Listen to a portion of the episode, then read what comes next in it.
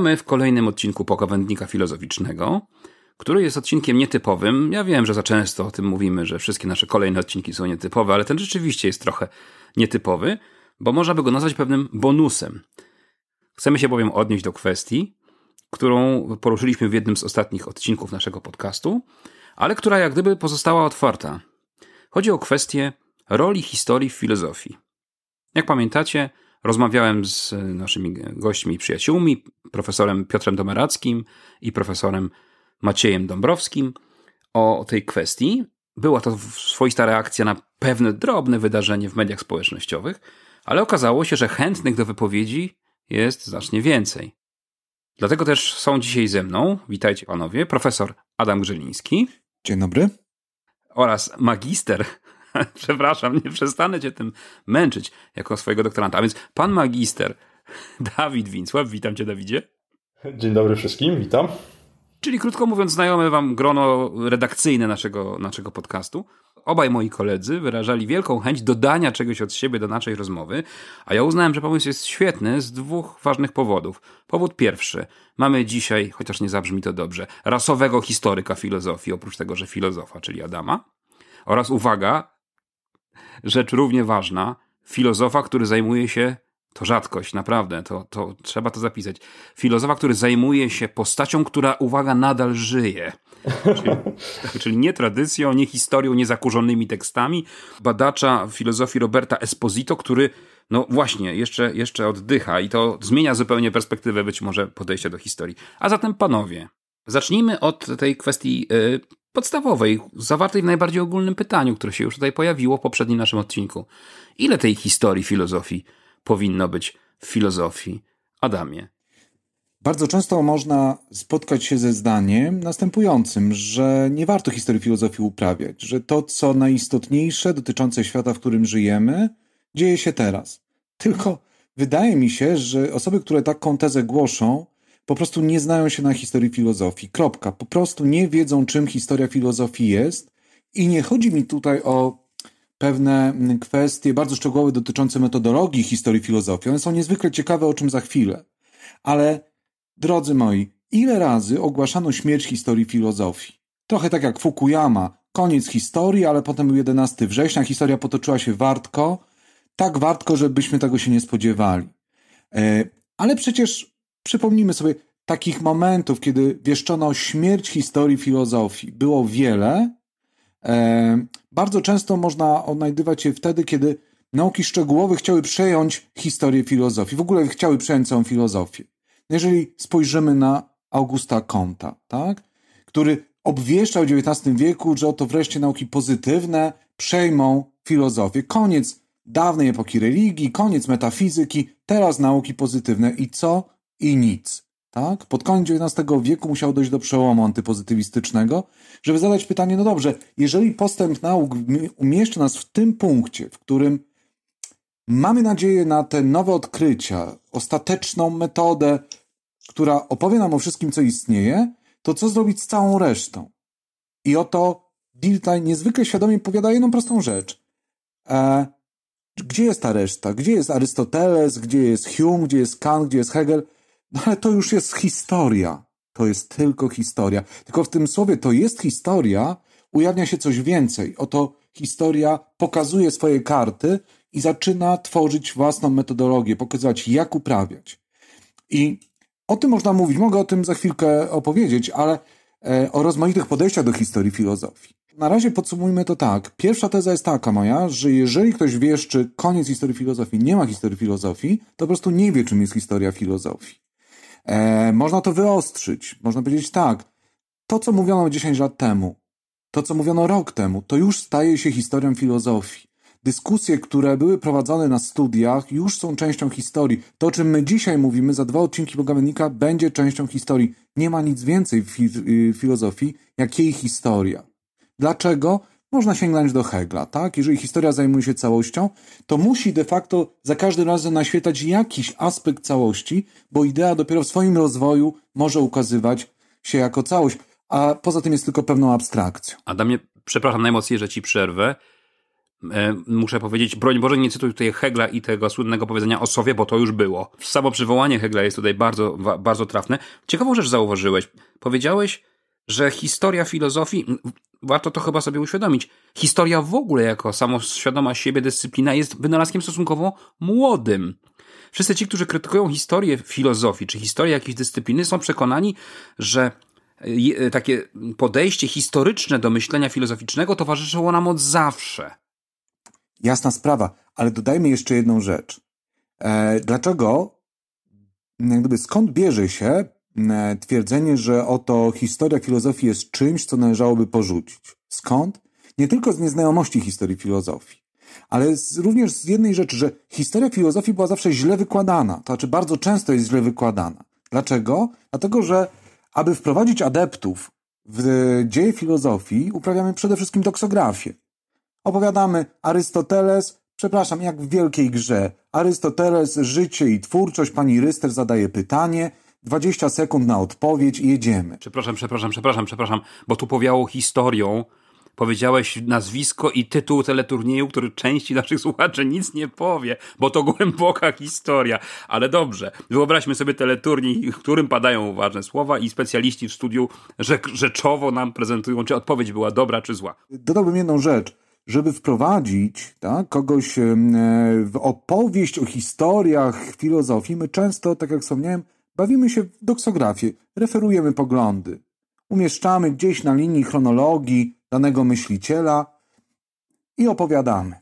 Kłopot w tym, że jeżeli zadamy pytanie o, e, bo ja wiem, odkrycia matematyczne, chemiczne, fizyczne, e, odkrycia techniczne, jakieś wynalazki, tak, to łatwo wskazać, co jest odkrycie. Natomiast zadajmy komuś, kto nie jest obeznany z filozofią, nie ma już doświadczenia, niech nam opowie o historii odkryć filozoficznych, nie poglądów. Nagle okazuje się, że jest to dużo trudniejsze. Ale można zadać pytanie następujące: kto w ogóle historię filozofii powinien uprawiać? Czy bardziej historyk, czy bardziej filozof? Oczywiście, że bardziej filozof. Tak jak historię matematyki, nie może historii matematyki uprawiać historyk, który nie wie w ogóle o czym opowiada. Tylko, że żeby taką historię filozofii, historię wglądów, rozpoznań, odkryć, przedstawić, trzeba najpierw po tych schodkach doksografii gdzieś tam wejść, żeby w ogóle zdobyć pierwsze szlify.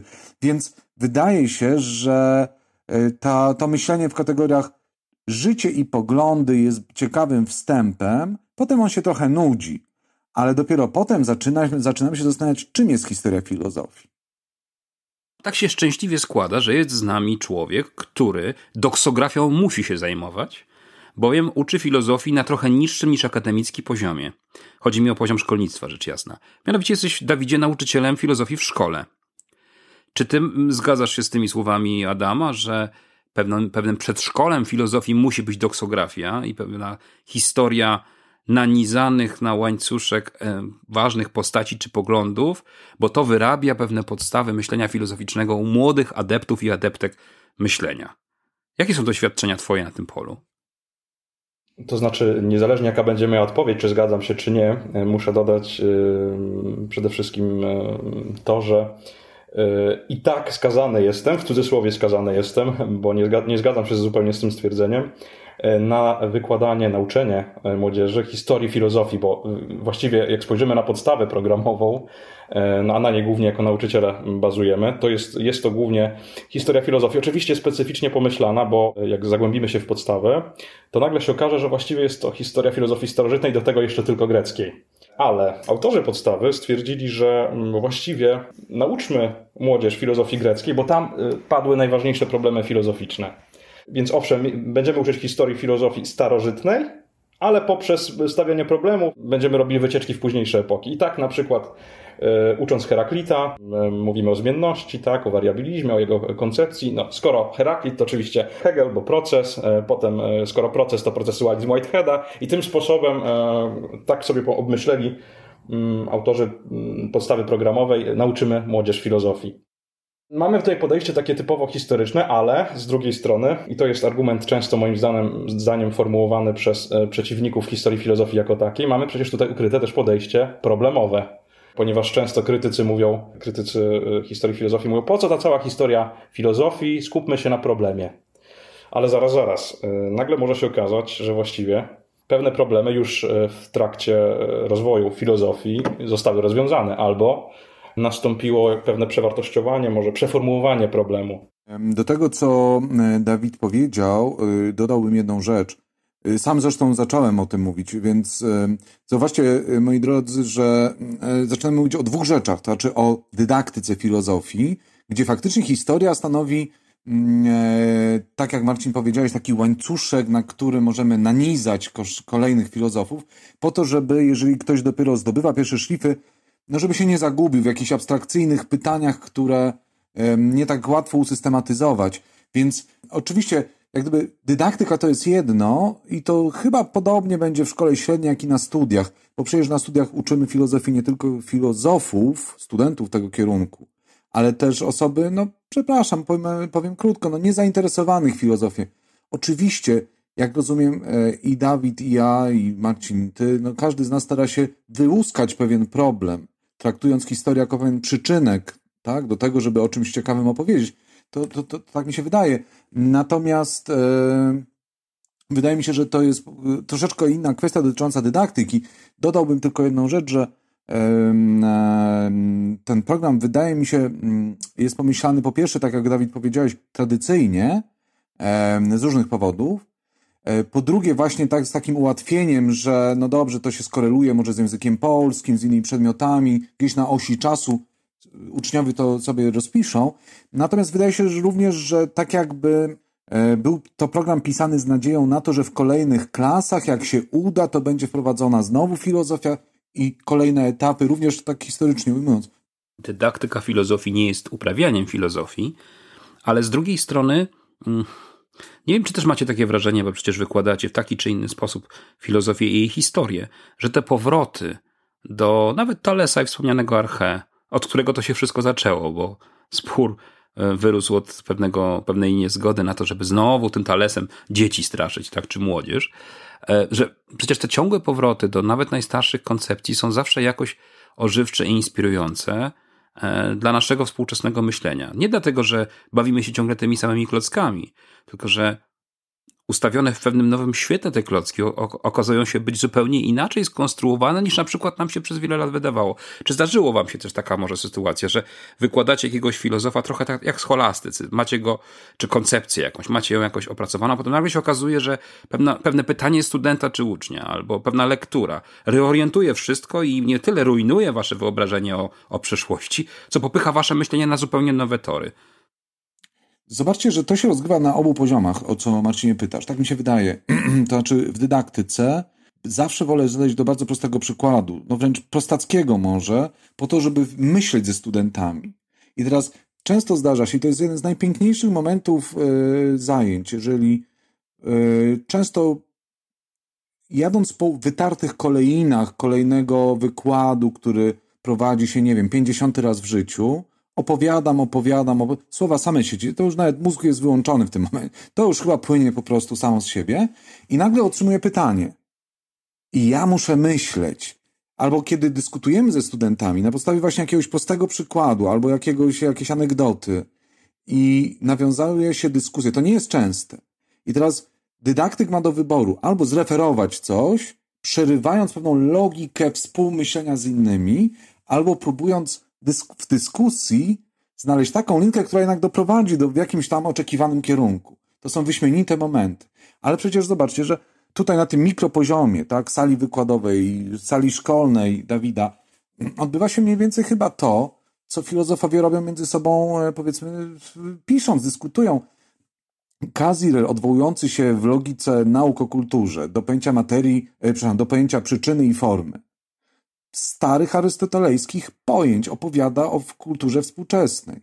E, Hanna Arendt, która wiecznie czyta Platona, czyta stoików, czyta e, Arystotelesa, a pisze o współczesnej filozofii polityki. Jej analizy autorytetu, jej analizy sytuacji politycznej e, są zawsze, cały czas są świeże, tak? Ale narzędzia pojęciowe są starożytne, albo średniowieczne, albo nowożytne. Cały czas trwa dyskusja medytacje o pierwszej filozofii, medytacje kartezjańskie. Cały czas trwa dyskusja. Adamie, wspomniałeś o Hannah Arendt, która zaczytuje się w Platonie i Stoikach. Teraz przypomniało mi się Zdaje się, że Marx napisał pracę magisterską albo doktorską, nie pamiętam, z Epikura. To trochę zrywa z pewnym jakimś takim stereotypem stetryczałego historyka filozofii, który tylko właściwie grzebie w archiwaliach i sam jest, zajmuje się kwestiami zgoła niepraktycznymi, abstrakcyjnymi i właściwie marnotrawi czas z punktu widzenia przeciętnego człowieka. Jeśli chodzi natomiast o kwestię, o, o, o, o to pytanie, które zadałeś, Marcinie, ja bym powiedział, że fakt, że filozofia jest pierwszej klasy i e, uczę ją wśród młodzieży no, 15-letniej, czyli powiedzmy jeszcze takiej ze świeżymi umysłami, gdzie ta socjalizacja wtórna nie, nie odcisnęła jeszcze silnego piętna. I oni trochę potrafią czasem zadać takie pytania. Przypomina mi się ta chyba baśń Andersena o nowe szaty króla. To dziecko, które krzyknęło król jest nagi. E, nikt chyba tak, myślę, że nie potrafi Mm, włożyć kija w mrowisko, czy rzucić pewnego nowego światła na studiowane przeze mnie już no, od paru dobrych lat kwestie filozoficzne, jak właśnie mm, młodzież. To jedna strona. Druga, mm, ja myślę, że to, że człowiek uczy, paradoksalnie czasem więcej uczy nas samych, czy mnie, może, może będę mówił w pierwszej osobie, niż kto wie, czy uczniów. Tak? To sam fakt, że sobie stawiam nowe pytania. A dlaczego ten filozof poświęcił właściwie tyle życia? Tak? na, na, na, na, ten, na ten e, problem. Zupełnie inaczej zacząłem sobie zadawać pytania, tak? konstruować pytania. Nagle się okazuje, że filozofia starożytna, z której nie wiem, miałem czwórkę czy piątkę na egzaminie, kiedy z powrotem do niej siadam i muszę ją y, przedstawić uczniom, tak? wcale nie okazuje się taka spójna i koherentna, jak wydawało mi się to na pierwszym roku. Przepraszam, bo nasza rozmowa troszeczkę odpłynęła w stronę dydaktyki jako takiej i, i tego naszego doświadczenia, które współdzielimy, nauczania filozofii. Pozwólcie, że zawieszę tę dyskusję w tym momencie na ten temat, ponieważ planujemy osobny odcinek z praktykami, nauczycielami, nauczycielkami, bo tam jest morze fantastycznych problemów. Będzie na pewno okazja, żeby o tym nieraz jeszcze porozmawiać. Ale powróćmy do tego kluczowego zagadnienia, którym się tu dzisiaj zajmujemy, to znaczy historii, e, historii filozofii. E, moich poprzednich rozmówców, jak, jak dobrze wiecie, próbowałem troszeczkę sprowokować w kontekście pewnych bardzo ważnych, spektakularnych, bardziej niż zwykle wydarzeń politycznych czy publicznych e, w momencie, kiedy nagrywamy te odcinki, czy nagrywaliśmy te odcinki, żeby ich sprowokować do pytania, ile tej czujności wobec teraźniejszości powinni mieć filozofowie. I czy przypadkiem nie jest tak, że jak się tak zaczytujemy w tym Arystotelesie, Heglu czy Kancie, czy niech będzie Hildegardzie z Bingen, czy Hanie Arendt, żeby nie było, że tak tylko mężczyzn to wymieniam, to, to tracimy jakąś czujność e, wobec teraźniejszości, wobec tego, co bieżące. Moi rozmówcy z poprzedniego odcinka nie dali się specjalnie sprowokować temu pytaniu. Ale jakie jest wasze zdanie w tej, w tej sprawie? Dwie rzeczy. Pierwsza, w jednym z najlepszych opracowań filozofii politycznej Locke. Mamy rok 1600 90, e, kiedy Locke publikuje dwa traktaty o rządzie. No, wybitne dzieła, zwłaszcza drugi traktat, który jest e, kamieniem węgielnym e, nowoczesności. I teza owej monografii Ashcrafta brzmi następująco. Na czym polega wartość Locke'a? Przecież nie na tym, że on tworzy jakiś uniwersalny system, bo, mm, no bo sytuacja jest zmienna i historyczna, ale na tym, że on niezwykle wnikliwie opowiadał o sytuacji, która rozgrywała się w Anglii końca XIX, XVII e, stulecia. Mamy Lewiatana Hobbesa, mamy Berka, o którym Paweł Hanczewski niedawno nam opowiadał. Mm, absolutnie nie. To nie jest tak, że my powtarzamy ich tezy, tylko widzimy pewną wnikliwość spojrzenia, dostrzegamy i mamy pewne, pewien zestaw narzędzi również, żeby opowiadać o współczesności. Także absolutnie to się nie wyklucza. I druga odpowiedź jest następująca. Kiedyś podczas egzaminu doktorskiego w Yorku w Anglii e, John Black, młodszy kolega, który zajmuje się Berkeleyem, e, podczas długiej dyskusji, bo ta, ten egzamin trwał e, ponad godzinę, była bardzo sympatyczna atmosfera, on mówi, że on stara się zrozumieć Berkeleya. To go pytamy z kolegą, słuchaj, ale co to znaczy, że, co to znaczy zrozumieć Berkeleya? No i on odpowiedział, coś, co można by bardzo potocznie powiedzieć, patrzeć jego oczami na świat. Przecież możemy sobie tłumaczyć świat e, po kantowsku, humowsku, szafsberiańsku i tak dalej. To znaczy, no po prostu e, w tym, w tym przypadku historia, filozofia oferuje systemy, które są taką konceptualizacją pewnych światopoglądów, pewnych oglądów świata. Proszę, można. I możemy się przełączać między nimi. Ja mogę wyjrzeć przez okno jak Shaftesbury podziwiać przyrodę, mogę patrzeć oczami takiego systematyka loka, mogę przełączyć na kogoś innego. Absolutnie nie rozumiem, dlaczego miałby to wyłączać teraźniejszość, a teraźniejszość miałby wyłączać historię. Bardzo mi się podoba ta uwaga. Bardzo mi się ona podoba, bo ta zdolność, obyśmy ją mieli, mogli rozwijać, przełączania się między tymi widze, sposobami widzenia świata, no wymaga znajomości tych innych, dogłębnej znajomości tych innych spojrzeń. Ktoś zanurzony w teraźniejszości, machający z niechęcią ręką na historię, nigdy nie będzie mógł tą ścieżką się e, poruszać. Dawidzie, czy my, jako tak hołubiący historię filozofii, nie jesteśmy jakoś upośledzeni w patrzeniu na teraźniejszość, nowoczesność, to co bieżące, aktualne? Miałem nie wracać do dydaktyki, ale to będzie dobra, dobry przykład, e, który posłuży mi do odpowiedzi na Twoje pytanie. E, kiedyś otworzyłem jeden z podręczników do filozofii, nie będę robił ani reklamy, ani antyreklamy żadnemu z wydawnictw teraz. I e, moim oczom ukazał się taki oto mniej więcej schemat, że mamy, filozofia dzieli się na pewne działy, na przykład antropologię, etykę, filozofię poznania, filozofię polityki, no i mamy jeszcze nauki pomocnicze, czyli historię filozofii, które gdzieś tam z boku, po prawej stronie e, odchodziły od tego e, głównego pnia, jakim jest filozofia, tak? Czyli mamy jakby zajmować się, miałem wrażenie, że przekaz tego schematu był taki, że historia z filozofii ma, że historia filozofii jako nauka pomocnicza ma mm, być czymś pomocniczym e, w odkrywaniu, w myśleniu takim typowo problemowym. Chciałbym trochę za zadać kłam takiemu y, myśleniu. Bardzo mi się spodobało to, co powiedział Adam, ten switch taki pomiędzy dwoma, e, dwoma sposobami patrzenia na filozofię. To jest ten historyczny właśnie, problemowy, który możemy dowolnie, zależnie od momentu, od potrzeby, zmieniać i posługiwać się nim jako że zajmuję się teraz właściwie, przyszło mi zajmować się filozofią współczesną, e, ale okazuje się, że ona zgoła taką, e, i to włoską filozofią, tak, czyli jeszcze jakimś takim mniejszym, e, mniejszą dziedziną. Okazuje się, że ona taka współczesna nie jest, bo oto jeden z filozofów, który już może nie tak bardzo popularny, ale George Agamben, z wykształcenia jest filologiem klasycznym. Tak, wszędzie widzimy go teraz, zwłaszcza stał się popularny mm, w związku z prowadzeniem stanu wyjątkowego we Włoszech, ale także w, w związku z pandemią koronawirusa, także w Polsce o tym, o jego poglądach mówiono, o jego krytyce. E, był na ustach wielu, mm, a jak przejrzeć jego choćby sztampowe dzieło, Homo Sacer, Przecież to jest dzieło na wskroś, e, pierwsze rozdziały, e, bardzo interdyscyplinarne, ale głównie przecież historyczne. Widać w nim nie tylko warsztat filozofa, ale e, warsztat filologa klasycznego. Także okazuje się, że mm, nie da się, moim zdaniem, mm, choćby nawet z takiej pozornej kwestii jak aparat pojęciowy, który przecież powstawał e, poprzez epoki, nie da się uprawiać czysto problemowej filozofii. Nie wiem, czy mogę tak skrajną tezę postawić, ale e, będę jej bronił.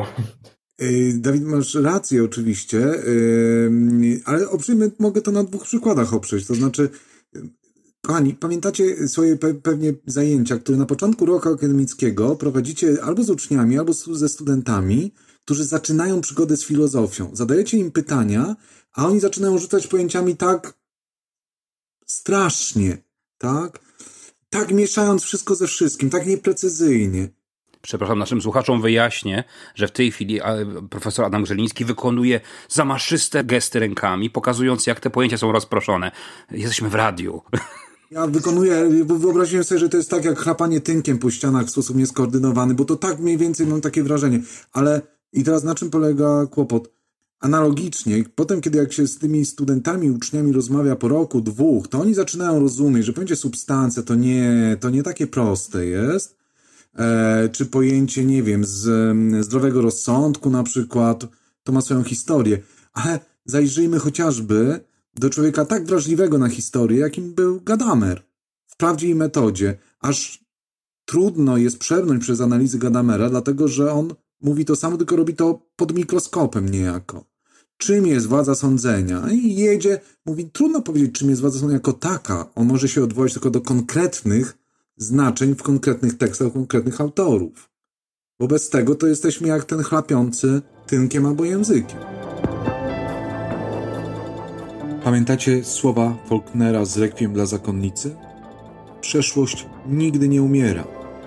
Właściwie nawet nie jest przeszłością.